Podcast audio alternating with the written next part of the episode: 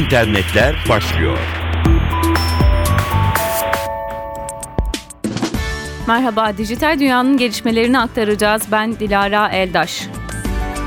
Üç boyutlu yazıcılarla ilgili pek çok haber var birkaç haftadır. Satın almak için özel bir prosedür gerekmeyen bu yazıcılarla silah üretilebiliyor zira. Amerika Birleşik Devletleri'nde geçen hafta ise kamuoyuna üç boyutlu bir yazıcı kullanılarak üretilen silahın planları dağıtılmıştı. Planlar Amerikan hükümetinin emriyle internetten kaldırıldı. Silahın planlarının internet sitelerinde bir hafta içinde 100 binden fazla kez indirildiği açıklandı. Amerika Birleşik Devletleri Dışişleri Bakanlığı silah üreten Defense Distributed şirketine bir mektup göndererek planları internet üzerinden yayınlama ve dağıtmanın silah kontrolü yasalarını ihlal edebiliyor olabileceğini belirtti. Defense Distributed da bunun üzerine planlarını internet sayfasından kaldırdı. Elbette bu dosyalara ulaşımın tamamen engellendiği anlamına gelmiyor. En az 100 bin kişinin zaten artık sahip olduğu bir dosyadan bahsediyoruz. Liberator adlı silah sanayi tipi bir 3 boyutlu yazıcı kullanılarak üretildi. Bu yazıcıdan çıkarılan silah yüksek yoğunluklu plastik malzemeler kullanıldığı için için bir mermiyi ateşlemeye de olanak sağlıyor. En önemlisi malzemesinden dolayı metal dedektörler tarafından tespit edilemiyor.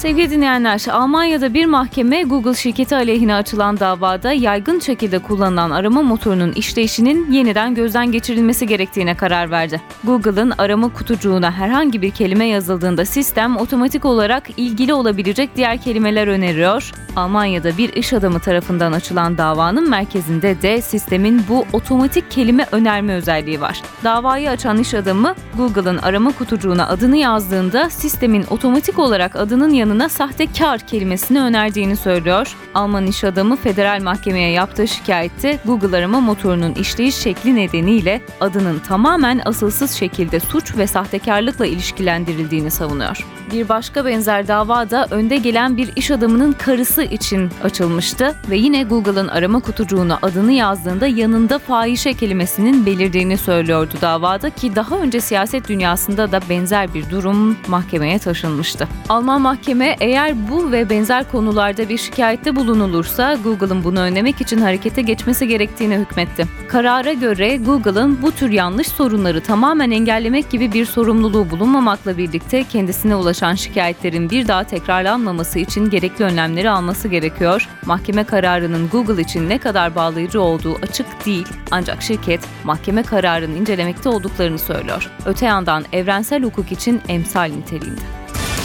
Kocaeli Üniversitesi'nde düzenlenen 1. Ulusal Yeni Medya Kongresi'nin sonuç bildirgesi yayınlandı. Alternatif Bilişim Derneği'nin üniversitenin işbirliğiyle düzenlediği kongreden çıkan bildirge, Türkiye'de alanında ilk hakemli bildirilerden oluşuyor. Sonuç bildirgesinden dikkat çeken birkaç başlığı aktaralım. İnternet bilginin sınırsız bir şekilde dolaşımda olduğu kamusal ve demokratik müzakereye, yurttaş katılımı ve denetime açık bir alan olarak her an yeniden inşa edilmeli. Bu bağlamda toplumsal yaşamda aktivizmin her boyutunun geliştirilmesi önemli. Hackerlık olgusu, hacker etiği konularının gerek hacker camiası gerekse akademiya tarafından ele alınması gerekliliği öngörülmekte. Yeni medya okur yazarlığının siyasal, toplumsal yaşamın her alanında ve kesiminde geliştirilmesi gereklidir. Bu şekilde yeni medyanın muhtelif ortamlarında nitelikli kullanım pratiği yurttaşlık kültürü çerçevesinde geliştirilebilir. Eğitim şart diyor 1. Ulusal Yeni Medya Kongresi'nden çıkan sonuç. Özel Sağlık ve Eğitim Vakfı SEV İlköğretim Okulu 8. sınıf öğrencisi Dahan Ege Koç artık bir uygulama yıldızı. 14 yaşındaki Dahan'ın geliştirdiği mobil uygulamanın Apple mağazasına kabul edilmesi deyim yerinde ise büyük sükse yaptı. Dahan Ege Koç geçen yaz tatilinde oyun geliştirme ve programlama dünyasının en iyi akademik kurumlarından olan Stanford Üniversitesi'nin 2 haftalık ID Tech kampına katılmıştı. Kampa katılmak için en az Dahan gibi 13 yaşında olmak gerekiyor. Oyun yazılımları üzerine çalıştı Dahan orada ve Endless Runner olarak tabir edilen sonsuz, bitmeyen oyun türünde iki boyutlu bir düzlemde oyun yazılımı geliştirdi. Ve oyunun adı My Planet Needs Me, gezegenimin bana ihtiyacı var. Önce oyun Apple'a sunuldu ve ardından oyun Apple yetkilileri tarafından test edildi ve onay aldı. My Planet Needs Me kullanıcılar tarafından 0.99 dolar bedelle indirilebiliyor. Oyunun hikayesi ise şöyle, gezegenimiz başka galaksilerde yaşayan yabancılar tarafından işgal edilmiştir ve insanlığın son cesur kahramanı olarak senin görevin uzay, gökyüzü ve yeryüzündeki işgali durdurmak.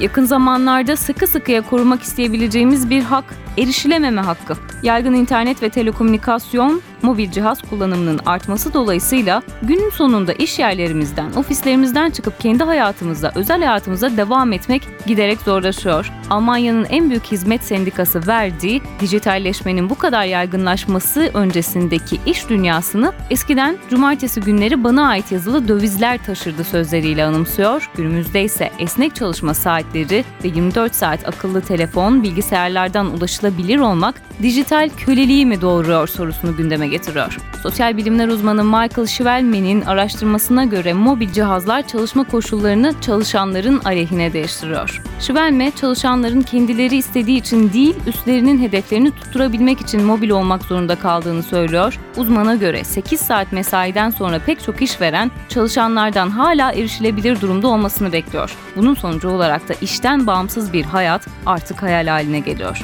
Uzmanlara göre mesai saatleri dışında çalışanlara erişilememe hakkının sağlanması gerekiyor artık. Bu hak toplu sözleşmeler, iş kontratları hatta yasalar yoluyla güvence altına alınmalı. Gelişmeleri aktardık. Hoşçakalın.